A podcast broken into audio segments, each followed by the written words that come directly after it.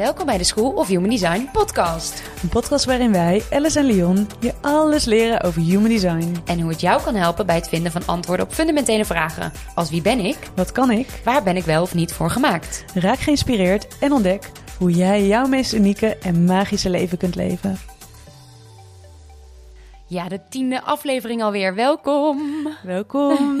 het is een beetje rumoerig. Ja, als je verbouwingen hoort op de achtergrond. We zijn echt Ja. al twee uur aan het wachten tot de buren klaar zijn met, Met eh, boren. met boren. We zijn al drie keer bij de bouwvakkers geweest. Ja. En eh, ze hebben ons al drie keer beloofd dat ze klaar zouden Ja. zijn.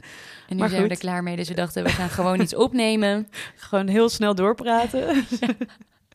Maar sorry luisteraars als jullie soms eh, ja, die boren in de verte horen. ja, daar moeten we het maar mee doen. Ja, daar moet het mee doen.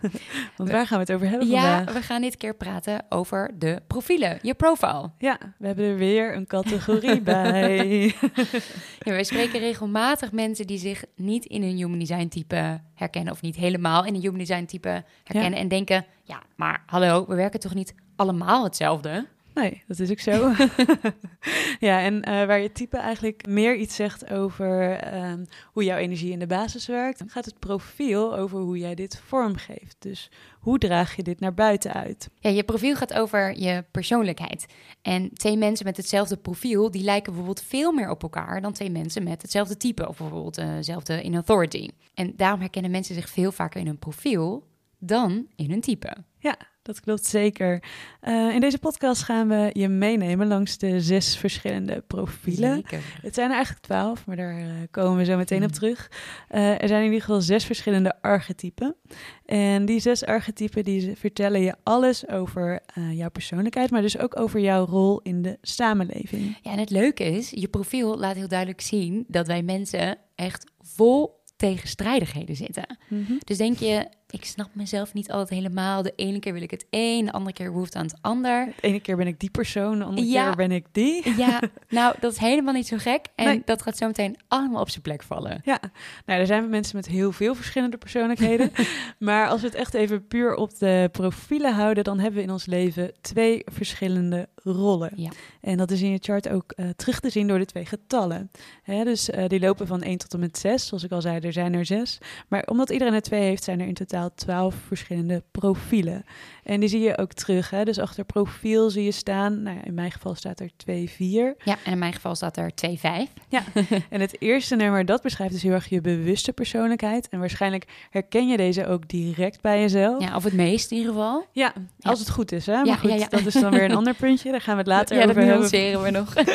Eh, en het tweede nummer, dat schrijft dus echt meer ehm, je onbewuste persoonlijkheid. Ja, en als je een beetje bekend bent met human design inmiddels, dan herken je ook wel die bewuste en onbewuste kanten van je design. Dat Ja. zie je bijvoorbeeld ook terug in de poorten en je kanalen. Want de rode lijnen die laten je design zien, je onbewuste kant. En de zwarte lijnen gaan heel erg over je personality, je bewuste kant. Dus het is eigenlijk de vraag van wie ben jij, bij, wie ben jij van binnen en wat drijft jou? Ja, En wat laat je echt aan de buitenkant, buitenkant zien? Ja, precies. Als we het hebben over de profielen, dan kunnen we eigenlijk ook wel stellen dat het gaat over jouw ja, meer introverte kant en je meer extraverte kant. Ja, nou dat ligt dus aan welk profiel je hebt. Dan profiel 1 tot en met 3, die staat dus echt voor de introverte kant. Dan ben je wat meer op jezelf gericht. Eh, dan wil je eigenlijk eerst jezelf begrijpen voordat je nou ja, de wereld kunt begrijpen of naar buiten kunt Mhm. gaan. En als jij profiel 4 tot en met 6 hebt, dan ben je dus wat meer extravert. Dus dan ben je meer eh, op nou ja, naar buiten gericht en eh, iets minder met jezelf bezig. Ja, sommige mensen die kunnen zowel een hoog als een laag nummer hebben. Dus dan heb je een mix van zowel introverte kwaliteiten als extraverte kwaliteiten. Ja, nou die hebben wij dus eh, toevallig allebei. Ja. Dus die herkennen wij ook heel Zeker. erg. En ook precies die dubbele persoonlijkheden of die Ja, tegenstrijdigheden. die natuurlijk. tegenstrijdigheden, die vind je echt hierin terug. Ja, Ja, dus de introverte extravert en de extraverte introvert. Ja. Dat zit heel erg hierin. Maar er zijn ook profielen die dus inderdaad twee keer introvert of twee keer extravert zijn. En Ja. die dus zijn, zijn dus of heel introvert of, heel, duidelijk extravert. Precies. Laten we de verschillende profielen bespreken. We gaan er snel doorheen, maar ik zou echt te popelen om deze kennis weer te delen. Ja, zeker. Hey, human design zou human design niet zijn als er geen nou ja, prachtige of in dit geval ook bijzondere namen zijn gegeven aan de verschillende rollen. Mhm. Ehm, vast een, een side note, ben je niet te veel vast op deze namen. Maar we Ja, gaan je moet er gewoon een beetje eh, om lachen. Het is soms gewoon een beetje een eh, overdreven weergave, toch? Ja, precies. Eh, maar ik vind het altijd wel, het blijft daardoor wel wat meer hangen. Of ik Ja. krijg er wel gelijk een beeld bij. Ondanks dat het inderdaad, nou ja, dat zien we straks wel, soms wat extreem misschien is. Precies. Laten we beginnen met nummertje 1. Dat is de onderzoeker of de investigator. ja, nou, de onderzoeker is iemand die alles tot op de bodem wil uitzoeken. Ja, en waar zoekt hij dan naar? Dat is eigenlijk vooral naar fundament of naar zekerheid. Eigenlijk moet alles kloppen. Nou ja, Ja. het is een eh, voorbeeld van mensen met dit profiel die willen graag alles tot in detail begrijpen. Dus stel dat jij bijvoorbeeld een, eh, een presentatie moet geven. Ja, wil je gewoon heel goed voorbereid zijn. Dus je wil op Ja. elke vraag voorbereid kunnen zijn. Het is een beetje, eh, doet mij heel erg denken aan de uitspraak ook better safe than sorry. Ja, Ja, en dit fundament is gewoon heel belangrijk voor die onderzoeker, omdat dat de basis is. Hè? Ja. Vanuit daar start hij. Ja. Dus dat fundament, dat moet er liggen. Hij moet alle details kennen. Hij, nou ja, al zijn vragen moeten beantwoord zijn, eigenlijk letterlijk. En dan voordat die pas persoon... eh, kan die door. Ja, en dit komt veelal voort uit een stukje onzekerheid. Profiel Ja. 1 is van zichzelf vaak vrij onzeker. En die onzekerheid probeer je dus op te lossen door heel veel informatie te verzamelen en kennis te verzamelen. ehm, zodat je zeker wordt van Mhm. nou ja, de vraag die je onderzoekt of het dat ene wat je, wat je moet doen. Ja. Ja, en dat doet diegene dus ook door veel informatie tot zich te nemen, heel veel te leren, maar ook gewoon door mensen te observeren. Ja. Dus die wil gewoon alles heel graag begrijpen, Ja. tot in detail. En dat doe je graag het liefst in je eentje, omdat je dus eerst die stabiele basis nodig hebt voordat je weer verder kunt of naar buiten kunt. Ja. Dus eh, vandaar dat dit ook een meer introvert type is. Ja, en ben jij een onderzoeker, zie dit ook als iets leuks, hè? Want jij moet altijd iets leren en jij moet altijd nieuwe dingen proberen. Dat Ja. is gewoon je, gewoon je natuur. Dat mag je helemaal omarmen, dat mag je helemaal ownen. Want dat is waar jij je energie uiteindelijk van krijgt. Ja, en voel je dus even geen energie, dan is eigenlijk het enige wat jij hoeft te doen eh, erop uitgaan en iets nieuws proberen Ja. of iets nieuws te leren vooral. Want jij bent gewoon nooit uitgeleerd. Nee, precies. Dus eh, zorg gewoon dat je jezelf steeds blijft prikkelen, steeds nieuwe dingen blijft leren en dan ook bijvoorbeeld steeds nieuwe plekken gaat bezoeken. Of zolang jij maar nieuwe kennis en meer kennis tot je kunt nemen, ja. dan is het eigenlijk bijna altijd goed. En die, deze stabiele basis die je dus voor jezelf bouwt, die, dat fundament wat zo belangrijk is, Ja. dat leg je uiteindelijk niet alleen voor jezelf. Want de mensen om je heen, je omgeving, die kan daarvan mee profiteren. Dus eh, je kunt soms het gevoel hebben van, oh, waarom ga ik nou niet door? Of dat je, nou ja, ja, dat- waarom moet ik het echt tot in de puntjes begrijpen? Hè, let's move on. Hè? Dat, dat Ja. kun je heel snel hebben, omdat de mensen om jou heen dat waarschijnlijk, nou ja, niet iedereen is een onderzoeker, dus niet iedereen Nee. voelt die urge, urge, om echt ja. alles in detail uit te zoeken. Maar het feit dat jij dat wel hebt en wel doet, dat is gewoon, ondanks dat sommige mensen het niet altijd begrijpen, het is van heel veel meerwaarde. Want Ja, al dat onderzoek wat jij hebt gedaan, hoeft iemand anders niet meer, niet te, meer doen. te doen. En die hoeft zich dan niet bezig te houden met die details, want voor diegene is dat niet iets leuks om mee bezig te zijn, Nee. terwijl het voor jou Ja. echt je natuur is. Dus ben jij een onderzoeker? Own dit dan. En ga lekker met die details bezig, want je voelt vanzelf wanneer je genoeg details hebt verzameld en wanneer het dus tijd is voor jou om door of naar buiten te gaan. Ja, precies. nummer twee, profiel nummer twee, dat is de kluizenaar. Of in Human Design in het. Engels ook wel de hermit De genoemd. hermit. Zo herkenbaar voor jou en mij. We hebben hem allebei. Ja. En ook nog eens allebei bewust. Ja. Dus ehm, ja. Ja. we zijn stiekem best wel een stelletje kluizenaars bij elkaar. ja, precies. Want de hermit betekent wel echt letterlijk dat je lekker gaat op alleen zijn. En wij trekken ons regelmatig terug in onze, nou, tussen aanhalingstekens, eh grot. Ja. Want een kluizenaar leeft graag op zichzelf, wil graag eh, zijn of haar dingen doen, heeft niemand nodig, wil het liefst alleen gelaten worden. Ja. Maar een kluizenaar, Human Design, is nog wel meer dan dat. Ja, ik zie ons inderdaad nu een beetje in onze grot, eh, Ja. daar in ons eentje wegkwijnen. Ja, maar Ehm, zo, zo zielig is het niet. Nee, het is juist, want de, ehm, waar de onderzoeker dus eh, soms wat onzeker kan zijn en graag heel erg in detail wil gaan, is de hermit van nature, heeft hij een bepaald talent of iets wat hij gewoon heel goed kan. Weet vaak helemaal niet hoe hij de dingen doet, dus eh, dat is vaak helemaal niet iets waar hij zich bewust van is, maar ze hebben altijd een speciaal talent en ze doen de dingen gewoon. En. Zonder te leren of te studeren ook soms. Ja. Ze hebben gewoon bepaalde kwaliteiten. ja, En die hebben ze gewoon vanuit zichzelf. Ja. En het is heel erg herkenbaar voor die hermit dat hij zich inderdaad even terugtrekt. Maar dan is het niet om alleen maar te zijn, maar dan is het om nou ja, die talenten tot uiting te brengen. Ja, dus om die, aan te eh, werken en dat... ja, eh, heel veel hermits eh, die zijn bijvoorbeeld heel veel getalenteerd in schilderen of in nou ja, zingen of bepaalde Ja. manieren van zelfexpressie. ja. Ze zijn heel creatief vaak en Ja. dat is gewoon iets wat ze van nature doen. Ik las in een artikel dat iemand heel mooi omschreef. Dat ging eigenlijk om een hobbit. en dat ze die vergeleek met, met de hermit. En dat ze zei: Ja, dan komen dan mensen langslopen. En die zien die hobbit dan zo lekker werken. Terwijl die hobbit die is daar in zijn eentje. Die heeft helemaal niet door dat er mensen zijn. Terwijl Mhm. die mensen echt vol bewondering kijken. Ja. naar wat die hobbit aan het creëren is. Ja.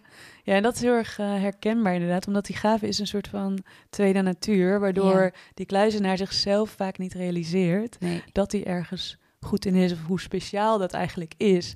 Want het is super speciaal dat jij vanuit het niets iets kunt creëren zonder Ja. dat je daar inderdaad heel veel informatie of dingen van anderen voor nodig hebt. Hè? Ja. Dat het echt vanuit jezelf komt. Ja, En daarom is een eh, belangrijke tip ook voor een hermit om aan vrienden te vragen bijvoorbeeld. Want die zullen dus veel eerder doorhebben waar ze goed in zijn dan ja dat die dat hermit zichzelf. of die kluizenaar Ja. dat zelf eh doorheeft. Omdat het voor jou gewoon zo vanzelf gaat. Ja, Eh, dan zie je het niet als een talent. Nee. Maar dat is het wel. ja. Waarin zit jouw talent?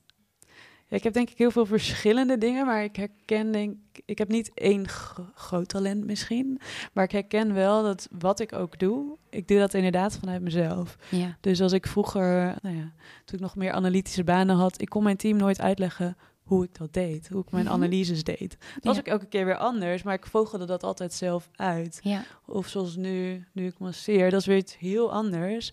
Maar ook dan, voor mij is het gewoon, dit voel ik gewoon. En ik snap dan bijna niet, en dat is heel herkenbaar, ja. denk ik, van... Ja, ik weet niet hoe ik dat doe. Ik kan dat ook niet uitleggen. Het komt voor mij heel natuurlijk. ja.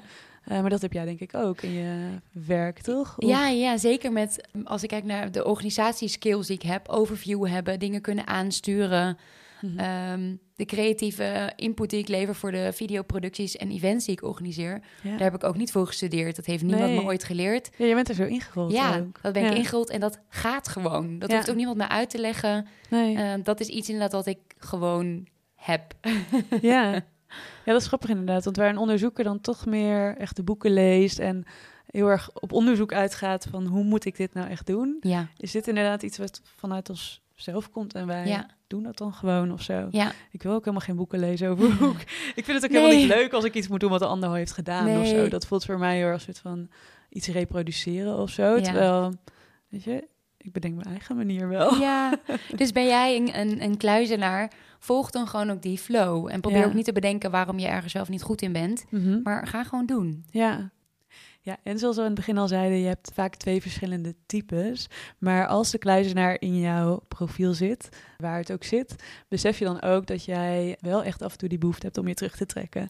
Dus eh, wat wij allebei denk ik heel erg herkennen is dat we heel sociaal kunnen zijn. Eh, we kunnen er heel graag op uitgaan en eh, dat vinden we ook heel leuk. Dus we kunnen nou ja, heel graag naar feestjes en al dat soort dingen. Maar soms hebben we ook gewoon die behoefte om ons terug te trekken. Oh, zeker. En, ja, en ik weet niet hoe dat voor jou is, maar het is ook soms best wel verwarrend, hè? Dat je dan het ene moment dan... Nou ja, wil je overal vooraan staan bij wijze van. Het andere moment Ja, wil je het liefst alleen gelaten worden. Dan hoef ik eigenlijk bijna mijn telefoon ook niet meer. Dan denk ik, laat me om met rust. Dan Ja, wil ik eigenlijk dat de wereld even niet bestaat. ja, ja, Ja, en ik denk dat dat wel een hele belangrijke is voor, nou ja, voor kluizenaars. Om dat ook echt te gaan omarmen van zichzelf. ja. Het is oké om je terug te trekken. ja, En je komt hier nog een keer tussen aanhalingstekens je grot. ja precies. en daar op te laden om vervolgens te, te delen met de wereld wat je wil delen. ja, Maar pak echt die, die oplaadtijd heb jij nodig. ja, precies. Ja, En dat hoeft, hoeven anderen ook niet altijd te begrijpen. Als je het zelf maar begrijpt. ja zeker. Laten we naar profiel nummer drie gaan. Dat is de, ja, dit is weer zo'n gevalletje, hang niet te veel in deze naam. Het klinkt namelijk een beetje hef- heftig. Dit is de martelaar. Mhm. ja, bij de martelaar eh, gaat het leven eigenlijk gewoon om trial and error. Dus het Mhm. gaat erom dat jij op basis van je eigen ervaringen leert en ontdekt. En dat je eigenlijk op zelf op onderzoek uitgaat wat voor jou werkt en wat Ja, niet. ja, dus niet zelf, zelfhulpboeken eh of heel veel studies. Nee. En jij daar informatie uit halen. Nee, je moet echt gaan leven. Mhm. En op die manier je lessen gaan leren. Ja.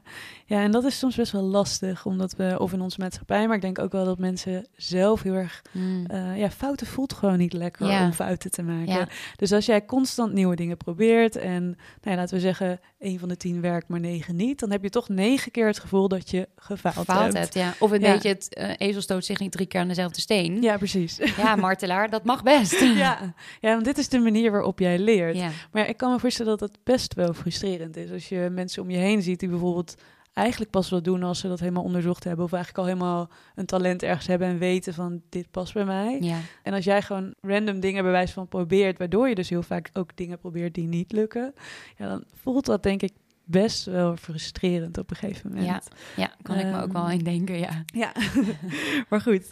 En nou ja, sommige martelaars, of als- nou ja, als dit je profiel is, ja, die staan ook bekend omdat ze brokkenpeloten zijn. Dus dat ze gewoon heel vaak, nou ja, die ezel die zich heel vaak Ja. tegen een steen aanstoot. ja. Eh, maar dat ze ook soms gewoon een beetje in situaties terechtkomen waar ze dan Ja. achteraf eh, van zeggen van, nou, dit had ik liever niet gehad. Ja. ja, maar laat je niet door dit soort gedachten of de angst om fouten te maken, laat dat je niet stoppen. Nee. Want dit is echt voor jou de manier om te ontdekken wie je bent en wat je wilt. Ja, nou ja, sterker nog, dit is waarom jij hier bent. Dus jij bent degene die echt de durf heeft en Jij gaat er gewoon voor en eh, jij durft gewoon te doen. En al die andere mensen die dat niet durven, die profiteren daar ook van. Want Ja, ja, ja. die zien jou die fouten maken. Ja. En ja, heel, heel, dat voelt een beetje cru misschien, maar eh, dat is ook waar andere mensen van leren. Precies. Dus ook als er dingen wel lukken, dan eh, zien zij ook van, oh, dat, dat lukt. En dat, dat wil ik ook, dat durf ik ook te proberen. ja, want als iemand met een, met een profiel 3 zegt, dit werkt wel of dit werkt niet. Ja. Dus je ziet het, maar ook als iemand dat je het vertelt, dan Mhm. weet je, daar kan ik op vertrouwen. Want diegene heeft het echt ja. ondervonden zelf. Dus die weet het wel. ja, jij spreekt uit ervaring. Ja, En dat is natuurlijk honderd keer krachtiger dan nou ja, wanneer iemand vanuit kennis of iets uit een boek haalt. En die zegt van nou, dat zou je ook eens moeten proberen, want ik heb daar en daar dat gelezen. ja. Of als iemand echt tegen jou zegt van nou, ik heb dit gedaan, ja. zo en zo werkt het voor mij. En nou ja, zo werkt het misschien ook voor Dat is jou. echt gewoon een stukje eh, levenservaring die je dan Ja. met je meebrengt. Ja, je bent echt ervaringsdeskundige. Ja. Letterlijk. En het grappige is, stel dat je een kind hebt met profiel 3, Ja. dan moet je dit kind dus eigenlijk ook fouten laten maken. Dus in plaats van ze te behoeden voor de fouten en het op te vangen en te Mhm. waarschuwen. Dat is best wel lastig voor ouders, denk ik. Ja. Helemaal in het begin. Ja, De kinderen willen natuurlijk erop uit om ja ontdekken. en je wil ze beschermen. ja, want je jij ziet al dat het misgaat. Ja, ja, maar voor de martelaar is het echt heel goed om ze nou, juist te laten gaan. ja. Want zij leren daardoor. Nou, en je kunt ze daarin ook echt stimuleren. Dus je kunt ze ook echt helpen om dit te gaan trainen en te ontwikkelen. Dus in plaats van dat je je kind erop aanspreekt als hij iets fout heeft gedaan of als iets misgaat, wat je dan krijgt is eigenlijk dat ze blokkeren en dat ze de volgende keer niks meer durven te proberen. Je kunt daar Ja. dus ook op een andere manier mee omgaan. Ja. En gewoon heel open vragen van... hey, je hebt dat net gedaan, hoe eh, ging dat? En eh, nou ja, wat ging er goed, vond jij? En, ja, wat heb je eh, hiervan geleerd? ja, wat heb je hiervan geleerd? En nou ja, misschien daarna wel van, oh, wat ging er dan minder goed? Of wat inderdaad zou je de volgende keer anders doen? Maar door dat wat kleiner te maken en juist te focussen op dat ze het wel hebben gedaan en Ja. wat ze er wel aan hebben geleerd, daarmee Ja. leer je ze ook echt en train je ze ook echt om zelf te reflecteren. Dus daarmee kunnen ze dit mechanisme echt ontwikkelen en Mhm. voor hun op de juiste manier inzetten. ja, heel mooi. Heel leuk. Ja, we gaan eigenlijk de eerste drie profielen gaan dus meer over je introverte eh, kant, nummer Ja. 1 tot en met 3. We gaan nu verplaatsen naar de wat meer extraverte kant. We gaan het hebben over Mhm. profiel nummer 4 en dat is de opportunist. Hij zit er eigenlijk nog een klein beetje tussenin. Ja, dat is eh, waar, Nummer ja. vier. Eh, want dit is eigenlijk het enige profiel wat alle lagen met elkaar verbindt. Ja. Dus zowel de eh, meer introverte als de extraverte. En dat komt omdat het een verbinder is. Dus eh, hij kan zich eigenlijk in alle profielen vinden, kan zich overal mee identificeren. ja. En ze zijn er ook echt dus om nou ja, mensen, dingen, situaties samen te brengen. Dus connecting the dots. Ja. zijn om te netwerken, om nou ja, vriendschap of relaties te bouwen. ja. Eh, Of en- mensen aan elkaar te verbinden, andere ja, mensen aan andere mensen te te verbinden, te koppelen misschien wel zelfs. brengen. Ja, maar dit zijn dus echt de verbinders en dat gaat ook heel natuurlijk voor deze. ja, eh, echt een beetje like magic. ja. Wanneer een profiel 1, 2 of 3 probeert te communiceren met anderen, Mhm. dan komt daar soms een beetje ongemak bij kijken, omdat ze zo erg op zichzelf gefocust zijn en die buitenwereld dan een beetje spannend vinden. ja. Dus, oh ja, stel je die kluizenaar Ja, dan ook, hè? ja, die zich... eh, die dan uit zijn grot komt en ineens moet socializen. niet dat ik me daar helemaal aan herken overigens, maar Nee? Herken je dat niet? nou, dat, nee, niet dat ongemak. eh, Oh. Ik kan het wel. Ja, als ik echt in mijn kluizenaarsrol zit. Ja. Dus als ik echt even... Ik kan soms naar en dat, dat is heel erg ken- kenmerkend van kluizenaar... dat je soms gewoon echt even een paar dagen op jezelf kunt zijn... en daar helemaal oké mee kunt zijn. Ja. Maar voor mij voelt soms die stap om dan weer naar buiten te gaan... en met mensen nou ja, sociaal te moeten Mhm. doen... die voel ik soms wel. ja. Dan je zegt, ik heb er wel niet altijd zin in. Nee, meer dat. Maar Dus ik weet niet of het dan ongemakkelijk is. Het Nee. zou niet moeten, want mijn profiel is dus deze vier ook. Mijn andere profiel van Ja. de verbinder. Dus het zou voor mij eigenlijk heel natuurlijk moeten gaan. En misschien is dat ook wel zo trouwens. Het is meer dat ik er dan tegenop zie. Oh ja. Maar als die mensen er eenmaal zijn, dan gaat het ook Dan- altijd vanzelf. Ja. Ah ja. En dat zeggen ze ook. Hè? Dus als een lijn 4 begint te praten, is een soort van natuurlijke charme of een natuurlijke flow. Ja, Ja. Ja. dat gaat gewoon. Ja, mensen met profiel 4 vinden we heel vaak heel vriendelijk. We zijn heel graag bij ze in de buurt, omdat we het gevoel krijgen dat we nou, heel welkom zijn en belangrijk zijn. En we worden gezien en we worden iemand anders gekoppeld die, die ook weer belangrijk van ons kan zijn. Mhm. Dus heb je een profiel 4, dan is het heel belangrijk dat je goed let op de relaties die je hebt. En dat je Ja. echt hele sterke relaties opbouwt met de mensen om jou heen. Ja, het is zelfs essentieel voor jou, voor Ja. jou om te slagen.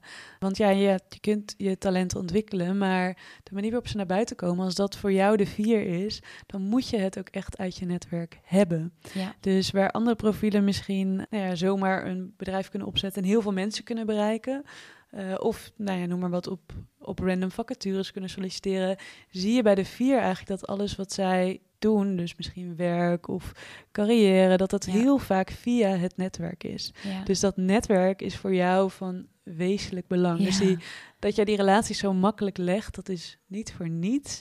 Dat is ook echt jouw manier om nou ja, jouw gift eigenlijk met de wereld te delen. Dus dat is echt jouw manier waarop jij nou, in contact staat met de mensen om jou heen of met kansen die zich voordoen. Eh, ja. Ze zeggen ook, maar die herken ik zelf ook wat minder, dat eh, lijn 4 ook heel erg bijvoorbeeld niet op dating apps moet gaan zitten, maar dat hij echt mensen ontmoet. Oh ja, in via een eigen erg- netwerk. Ja, ja, ja, Ja. ja. maar herken je het op andere vlakken wel? Zeker. Ja, ik heb mijn, eh, mijn banen zijn altijd via mijn netwerk geweest. Ja. Ik heb volgens mij bijna nooit. Ik heb wel eens zomaar gesolliciteerd en dan kwam ik ook vaak ver. Maar de echte dingen die ik ben gaan doen, was eigenlijk bijna altijd via mijn netwerk. Ja, grappig hè? Ja, en ik herken het ook wel, want ik heb ook als freelancer veel verschillende klussen of bij veel verschillende bedrijven.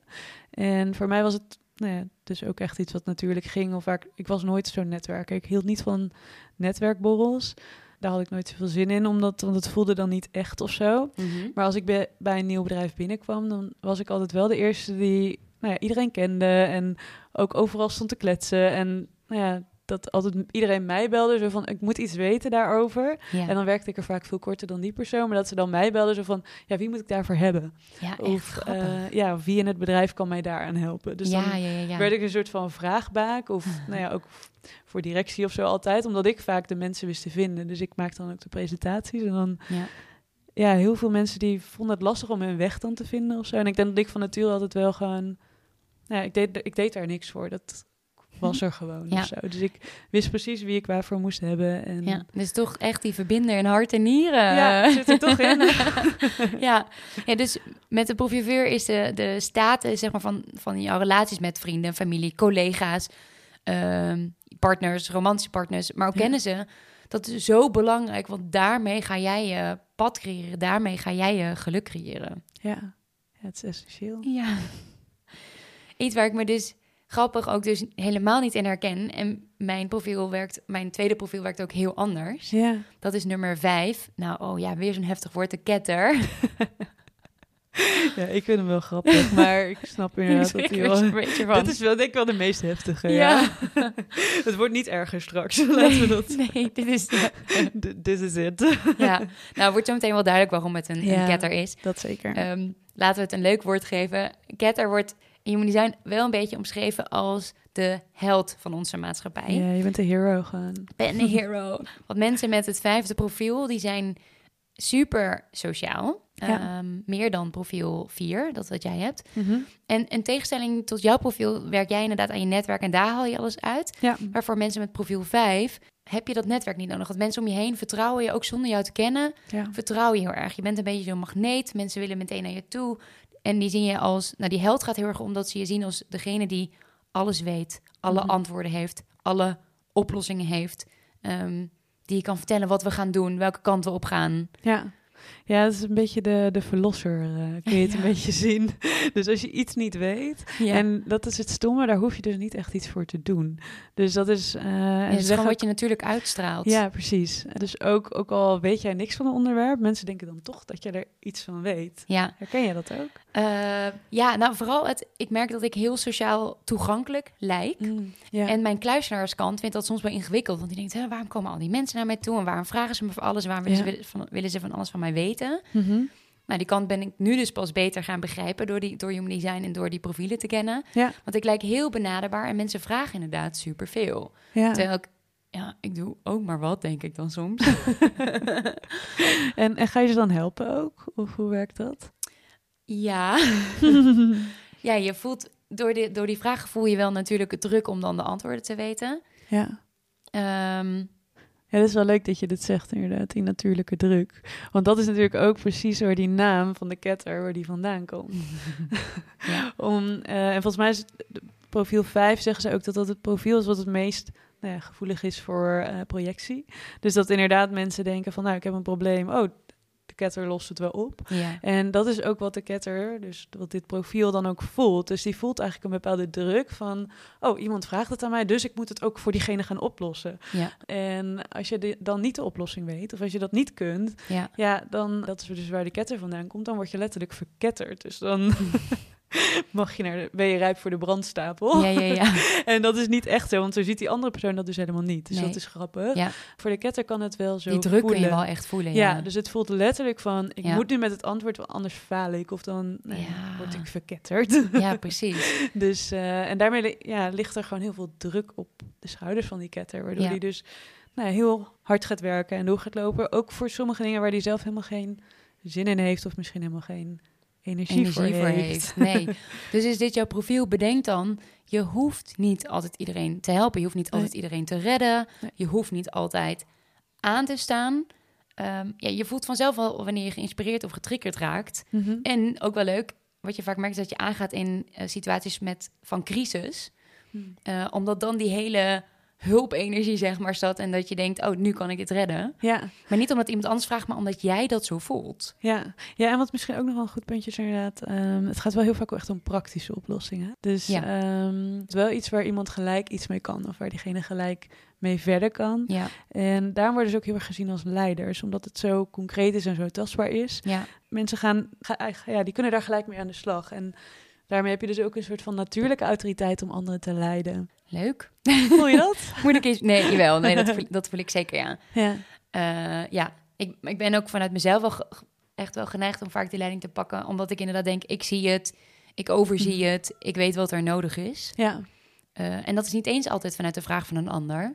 nee, precies. Dat doe ik ook wel, eh, wel zelf. En Ja, het is ook echt een rol inderdaad. ja, het is Die, echt mijn natuurlijke rol. Ja, en hoe jouw energie ook het beste tot uiting komt waarschijnlijk. Ja, ja. Ja. En daarbij ehm, ook dus nog wel een stukje valkuil. Ik ben een manifested generator, dus ik heb superveel energie. Ja, Dus ik denk ook heel vaak, als ik zie dat de rest wordt op een set een beetje moe wordt of een beetje inkakt, Mhm. dan denk ik, ja, ik heb de energie, dus ik doe het wel. Ik pak Ja. het wel op. Ja. Maar daarin zit meteen ook weer het gevaar dat ik dus op sommige momenten te veel oppak of dingen Mhm. doe waar ook ik niet meer zoveel energie voor heb. ja. Of waarbij ik helemaal niet de leiding zou hoeven pakken. Mhm. Want soms mag een ander het ook doen. Ja. Ja, nou, dit is een heel groot deel van human design. Dit, Ja. dit stukje bewustwording, want dit is en een valkuil inderdaad van, van de ketter, maar ook wel van de manifesting generator. Ja, nou, Dus- we breng die twee samen. Ja. nou ja, dit is wel een groot onderdeel van human design inderdaad. Ja. Om, om van dit soort patronen, om daar bewust in ieder geval van Ja. te worden en Ja. andere keuzes te kunnen Ja. maken. Dus jezelf elke keer weer af te vragen van inderdaad, wil ik dit echt? Ja, is en dit vanuit, mijn verantwoordelijkheid? ja, vanuit welke plek wil ik dat? Ja. Hè? Dus wil ik, wil ik dit zelf of wil ik een ander misschien wel pleasen? Dus ook vanuit welke plek komt die behoefte om Zeker. mensen te helpen? Of voel ik inderdaad die druk van anderen? Ehm, maar goed, Ja. het heeft ook heel veel leuke voordelen. Als je kijkt naar, ik ben die verbinder, dus nummer vier. Ja, Die moet echt alles uit het netwerk halen.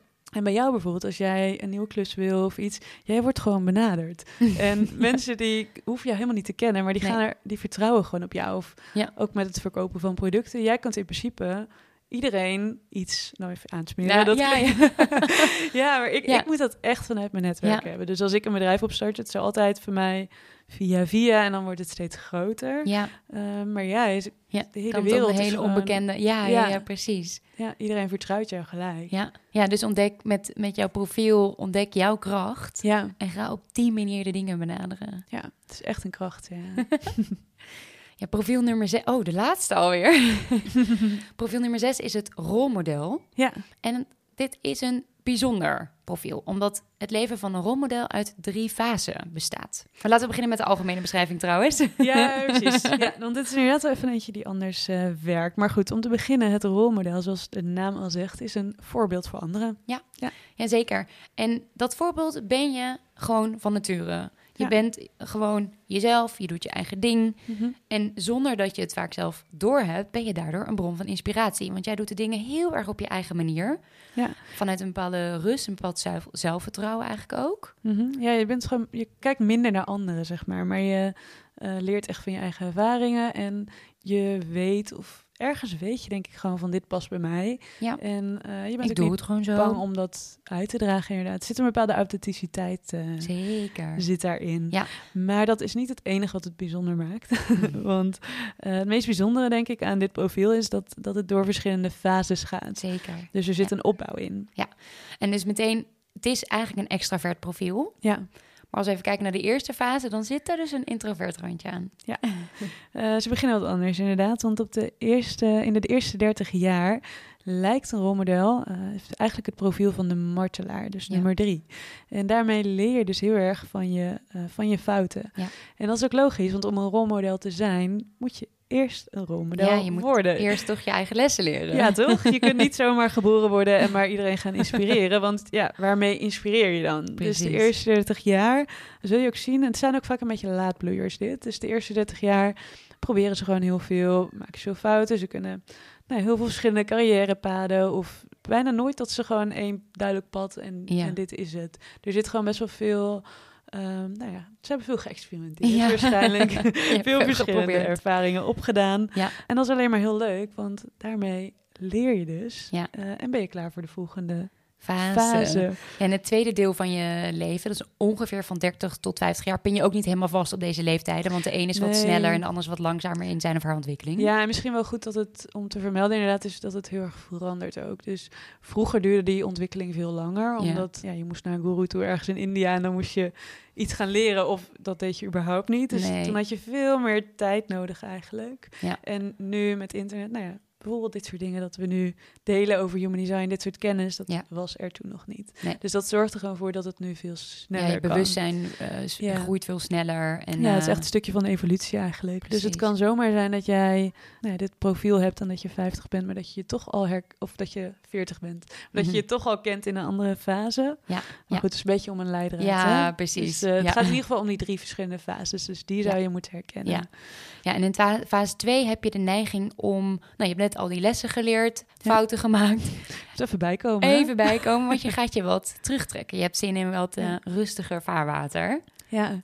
ja, en je leert dus ook wat meer via anderen. Dus Ja. je hoeft niet meer zelf al die fouten te maken. Je gaat gewoon eens even wat meer achteroverleunen Om je heen en eh, kijken. wat meer om je heen kijken. Mensen Ja. observeren. Ja, je krijgt waarschijnlijk ook wat meer aandacht voor of een interesse in, eh, in, In andere anderen. mensen. Ja, wat je eerst misschien nog niet hebt eh, gevoeld. Ja. Ja, je was te druk met jezelf ook in het begin waarschijnlijk. Ja, ja, En nu ga je langzaam wat meer naar buiten kijken letterlijk. Want Hey, je gaat richting je rolmodel, richting je meer extraverte kant ook. Dus je gaat inderdaad langzaam je ogen openen en je kijkt een beetje om je heen. Ja, hoe doen anderen dit eigenlijk? ja. ja, en daarna komen we in de derde fase terecht. Hmm. Dus dat is ongeveer vanaf je vijftigste. ja. ja, en dat is ook wel natuurlijk verloop, denk ik. Dus dat Ja. langzaam bij beetje wordt dat steeds meer. Ja, precies. Ja. Het is niet van de ene op de Nee, andere dag. vandaag ja. ben ik... eh, Hier groei je inderdaad in. ja, precies. Want in deze fase ja, ga je echt dat je rolmodel rol Belichamen. belichamen. Ja. En ga je teruggeven aan de wereld ja. wat jij hebt geleerd. Ja. Nou ja, en het mooie is dat het dus ook nog niet eens een bewuste keuze vaak is. Nee. Dus wat we zeiden in het begin, nu word je echt het rolmodel. Dus je gaat gewoon je ding doen op, je, op jouw manier. En eh, die je bij vallen en opstaan eigenlijk hebt geleerd. Dus dat is niet eens een heel bewust proces. En de, de mensen gaan jou gewoon zien. Dus Ja. van nature gaan mensen naar jou kijken. Die willen van nature weten van, Ja. oh, hoe, hoe doe jij dat eigenlijk? Ja, mag ik met jou meekijken? Mag ik van jou leren? Mag ik van jou leren? Ja. Ja. ja, en hopelijk heeft dit jou een beetje een beeld gegeven van de verschillende profielen die er zijn. Ja, maar nou hebben we het nog niet gehad. Natuurlijk, dit zijn er verschillende archetypen, hè, de zes. Ja. De profielen zijn er twaalf. En die gaan we nu niet allemaal benoemen, maar eh, zoals we al zeiden is het vaak een combinatie. Nou, ja, we kunnen die van ons wel even eh, nog uitlichten. We hebben het al een beetje benoemd, maar eh, wij hebben natuurlijk de 2, 4 en de 2, 5. Ja, hoe zit het inderdaad als je die twee rollen hebt? Wat voor Ja. invloed, zeg maar, wat voor samenspel Ja. creëren die twee met elkaar? Ja, ja, hoe werkt dat dan? Ja. Nou, we kunnen ook een paar andere uitlichten hoor. Maar als we bijvoorbeeld de 1-3 be- eh, hebben, dan is de 1 is de onderzoeker, 3 is de martelaar. En hoe dat dan met elkaar werkt, is dat 1, de onderzoeker, die gaat eerst heel veel informatie verzamelen en de- details verzamelen. En die wil heel goed voorbereid zijn. En daarna gaat hij het ook uitvoeren. Dus dan gaat hij zelf experimenteren met dat wat hij daarvoor heeft onderzocht. Ja. Dus dat is hoe de 1-3 bijvoorbeeld samenwerkt. Nou, en in ons geval, wij hebben de, de kluizenaar. Dus eigenlijk idealiter trekken wij ons eerst terug in onze grot. Hè, want dat is ons eerste profiel. Ja, En nou ja, gaan wij lekker werken aan onze talenten. Zonder dat we heel bewust zijn dat we daarmee bezig zijn. ja. En op het moment dat we ons klaar voelen, omdat ja. genoeg opgeladen zijn. genoeg opgeladen ook. Ja. Of dat we genoeg ja, aan onszelf hebben gewerkt eigenlijk ook wel. Dus dat we genoeg ons talent tot uitvoering of tot expressie hebben gebracht. Ja.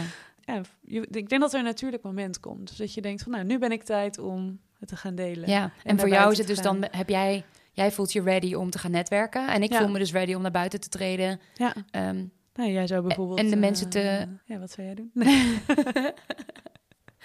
de mensen te leiden. Oh ja, ja. Ja, maar jij zou bijvoorbeeld kunnen zeggen, eh, bijvoorbeeld op je Instagram, nou, ik heb nu, eh, ik ben klaar en ik heb een, ik heb een cursus uitgebracht, of toch? Ja, ja. Eh, en voor mij zou het wat meer werken van, ik ga wat mensen om me heen inlichten dat ik een, een cursus heb, of nou ja, zoals bijvoorbeeld is gegaan toen ik eh, wilde beginnen met masseren. Toen heb ik eigenlijk ook gewoon wat mensen om me heen gemasseerd en die kwamen steeds weer met nieuwe mensen aan. Ja. Dus ik heb ook wel een keer een post gedaan op Instagram dat ik dit ging doen. Maar eigenlijk Ja. is daar niemand, of één persoon volgens mij, Oh ja. is daar toen Is uitgekomen. Ja. En voor de rest zijn al mijn klanten via via gekomen. Ja. En dat liep ook in één keer, omdat elke persoon minimaal weer met een ander persoon aankwam. En zo werd het een soort van sneeuwbal-effect. Ja. Dat zich Of zo'n vlek wat zich dan... eh, langzaam uit heeft gespreid. Ja. ja, en als je dan even andersom naar je profielen kijkt. Kijk, Ja. van nature trek ik dus heel veel mensen aan. Hebben mensen allemaal vragen en verwachtingen... omdat ze Ja. oplossingen verwachten of denken... Alice doet het wel. Ehm, en dat heeft voor mij altijd heel natuurlijk gevoeld, want dat gebeurde altijd. Waardoor Mhm. ik mijn introverte kant een beetje vergat. Want ik dacht, huh? oh, maar nu word ik voor alles uitgenodigd. Ik mag overal bij zijn. Dat voelde heel fijn en heel vlijend. Mhm. Terwijl ik ergens voelde, oeh, die kluisenaar zit daar en die heeft tijd nodig. Ja. Ehm, dus ook andersom, kijk ook andersom naar je profiel en besef dan dat allebei die kanten hebben aandacht nodig.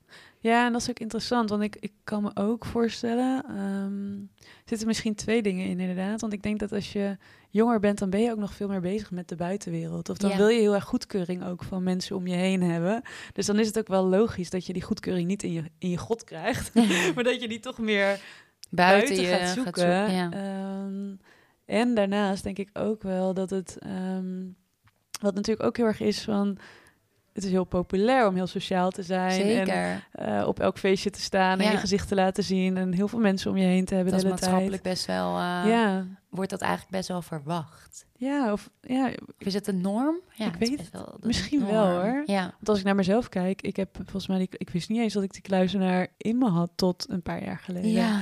Eh, en toen heb ik nog niet eens ontdekt dat het de kluizenaar was. En toen noemde ik nog van dat ik in iemand zei tegen mij, dat is best wel grappig. Iemand zei een keer, "Huh, maar jij bent toch eigenlijk heel introvert? En Mhm. Toen was het echt een eye-opener voor mij. En dat is heel grappig, want ik kan me nu niet meer anders voorstellen. Helemaal het afgelopen jaar natuurlijk. Ja. Eh, in die coronatijd. Dat ik me heel erg geïdentificeerd heb met mijn kluizenaarschap. maar ik weet nog dat diegene dat tegen mij zei. En dat ik dacht, huh? Oh ja, misschien is dat wel zo. Ja. Maar dat ik tot op dat moment, ik was elke avond weg. ja, jij was echt altijd weg. Ja. Ja. Ik ehm, weet niet wanneer ik die kluizenaar toen... eh, ik weet dat ik één keer in de maand of zo helemaal instortte. En dan moest ik echt een dag. En dan, wat ik zei, dan is de wereld voor mij liever ook niet op dat Mhm. moment. ja. Maar ik, ik wist dat inderdaad echt niet van mezelf. Maar het grappige is wel, toen het- ik het dus hoorde, of nou ja, ook wat je dus nu, als je het in Human Design leest, dan herken je het waarschijnlijk Ja, gelijk, gelijk. ook van jezelf. Ja, wij wisten het eigenlijk ook gelijk. ja. Ja, en ik als ik terugdenk aan... Ik heb best wel vaak nee gezegd tegen feestjes op een bepaald moment. In het begin durfde ik dat niet toen ik jonger Nee, was. Dacht ik, moet dat overal bij zijn. ja. Nee. En op een bepaald moment... Ja, nee, dat doe je niet. bestond niet eens in mijn eh, En wereld. toen, nee, en toen kreeg ik zo'n fase dat ik dat wel probeerde en heel lief probeerde uit te leggen dat het me echt niet lukt, dat ik geen energie Oh, ja. had. Nou, dat is echt wel een overgangsfase geweest, want niet iedereen vond dat even leuk. Mensen dachten Nee. echt, hoe kun je ervoor kiezen om niet op mijn verjaardag bijvoorbeeld te zijn? Oh ja. Oh, Vriendinnen dat is ook wel grappig, ja. Ja, dat Terwijl ook. inmiddels weet iedereen, Alice heeft gewoon die kluisenaarsrol. Ze Ja. moet soms opladen, ze kan soms gewoon niet meer. Mhm. Terwijl ze ook heel, heel gezellig en heel vrolijk en heel extravert kan zijn. ja. Maar ze heeft ook die andere kant. Maar het heeft even geduurd voordat ik uiteraard het accepteerde van mezelf. Ja. Maar ook mijn omgeving accepteerde. Die beide kanten zitten in haar. Het is niet altijd alleen maar het een of het is niet alleen maar altijd het ander. Ehm, maar ze heeft beide kanten. En we moeten altijd maar even zien welke kant er op dat moment de meeste aandacht nodig heeft. Ja, dat is heel mooi inderdaad. Want ook, nou ja, ik denk dat dat ook onderdeel is van dit hele proces. Maar ook een groot deel van human design is eh, jezelf ook een stukje permissie geven. Zeker. Om beide kanten te omarmen, om alles er te laten zijn. En dat zodra jij dat gaat doen, want wat je ook zegt, dan ik probeer het dan heel lief uit te Ja. Die herken ik ook zeker. Dat is ook heel groot. Ja, echt een valkuil van mij geweest. Ja. Dus in plaats van gewoon te zeggen: hé, hey, ik red het even niet, of het voelt nu niet goed. Of ging ik inderdaad ook dat helemaal proberen uit te leggen. maar ja, juist daardoor, omdat je het zelf dan al niet snapt, snapt die ander het ook vaak niet. Nee. Terwijl zodra je het zelf gaat snappen en daar ook, weet je, dan is het gewoon wat het is. ja, als je daar En dan- helemaal oké mee bent. Ja, en Ja. ik denk dat dat wel een van de dingen is waar Human Design gewoon heel erg bij kan helpen. Ja. Dus bij dat stukje permissie, Permissie. geven. Ja, ja. en, en dat zie je ook vaak bij profiel. Dus dat het waar je, nou ja, de andere onderdelen zoals in authority en strategie, dat zijn echt dingen waarmee je aan de slag gaat, waarmee je gaat experimenteren. ja. En personality is vaak iets wat al heel erg in je zit, wat je bewust of onbewust al heel erg herkent. En eh, waarbij nou ja, door dit te weten, je gewoon nog meer permissie voor jezelf creëert of nog meer begrip van Ja, jezelf. Ook Van zeker. waarom ben ik zoals ik ben? Of Ja. Ja, wat we ook zeiden met die twee kanten. Van, ja. huh, maar waarom ben ik de ene keer nou zo en de andere keer nou zo? Huh, wie ben ik nou? Een soort van gespleten persoonlijkheid. Letterlijk. ja. We hebben natuurlijk allemaal heel veel verschillende persoonlijkheden. maar ja, dit ook weer. Dat is gewoon zo'n extra manier om nou ja, dat allemaal te omarmen en ook gewoon zo goed te begrijpen van jezelf. Ja, onderzoek dus ook voor jezelf welke rollen heb ik? Welke rol Ja. krijgt op dit moment de meeste aandacht? Welke rol kan ik eventueel versterken? Welke rol heeft meer aandacht nodig? Ja. Ja, en dus besef, we zijn allemaal anders. Het is niet Mhm. erg als jij introverter lijkt of bent dan je vrienden.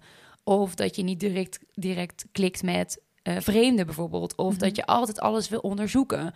Omarm deze rollen, want zij vormen jouw prachtige persoonlijkheid. Mooi gezegd. Dankjewel. Dat, eh, dat waren dan eh, de profielen. Zeker. Nou ja, zoals je hebt gemerkt, was het voor ons in ieder geval echt een hele, nou ja, ontdekking, maar echt wel een heel mooi onderdeel en ook heel herkenbaar onderdeel eh, van Human Design. Ja. En niet alleen om onszelf, maar ook vooral om de mensen om ons heen wat beter te begrijpen. Eh, want ja, iedereen heeft nou eenmaal een andere rol, werkt anders en krijgt ook van andere dingen energie. En eh, als ik voor mezelf spreek, dan herken ik het ook wel heel erg dat ik bij sommige mensen ook echt wel soms zoiets had van, nou, weet je, al die details, kom daar maar, want Ja. ja, mij interesseerden die details gewoon totaal niet. Of eh, ik weet nog dat mijn ex bijvoorbeeld, die heeft ook die, eh, die ketter. Dus die was ik de hele tijd bezig met andere mensen te helpen en zo.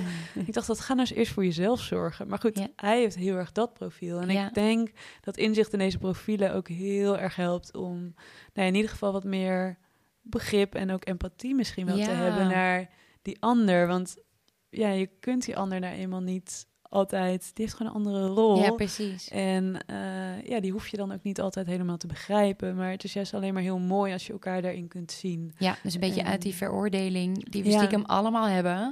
Ja, Daar een beetje uitstappen. Ja. Een beetje, daar uitstappen. stap eruit nu. Stap eruit. Ja, En met een beetje liefde kijken naar de ander. En eh, Mhm. dat iedereen zijn of haar eigen manier heeft. ja. Nou, dit vind ik een mooie afsluiter. We hopen dat we jullie weer hebben kunnen inspireren. En we hebben tot slot een klein iets wat commercieel vraagje. Oh ja, dat is ook een belangrijke ja, toch wel. we scoren inmiddels best wel goed in uh, de verschillende podcast-apps. Mhm. Um, en voor de iTunes podcast-app of de Apple podcast-app zouden wij het echt te gek vinden als je een review of in ieder geval een paar sterren zou willen achterlaten. Mhm. Want hoe meer we ranken, hoe meer mensen onze podcast luisteren. Ja, oh, wat erg om dit te zeggen, maar we willen Ja. dit heel graag aan jullie Vinden we- vragen. Ja, nee, het voelt ergens, ergens voelt het heel stom inderdaad en heel commercieel, maar tegelijkertijd, ik weet niet, ik zie ook gewoon ook de reacties die we al krijgen. Ja. En nou ja, het helpt gewoon zoveel mensen om zichzelf en ook vooral de mensen om zich heen beter te leren kennen. Ja, Dus het is wel een hele mooie missie en nou precies. het is gewoon heel Help fijn als jullie ons. daarbij kunnen helpen. het is wel heel goed dat jij het ook vraagt trouwens. Ik zal het aan mijn netwerk Nee, gaan jij vragen. netwerk, ik vraag het aan jullie luisteraars waarvan ik heel veel mensen niet ken. Nee. Super leuk dat jullie weer is luisteren. Ja, echt te gek. Ja. We gaan eh, snel weer, eh, we gaan deze eerst editen, daarna weer snel een nieuwe podcast opnemen. ja, we hebben alweer heel veel nieuwe ideeën. Heel en we zijn nieuwe cursussen aan het maken. Ja, Dus er komt heel veel aan. er komt heel veel aan. Stay tuned en eh, tot de volgende keer. Tot de volgende keer. Doei.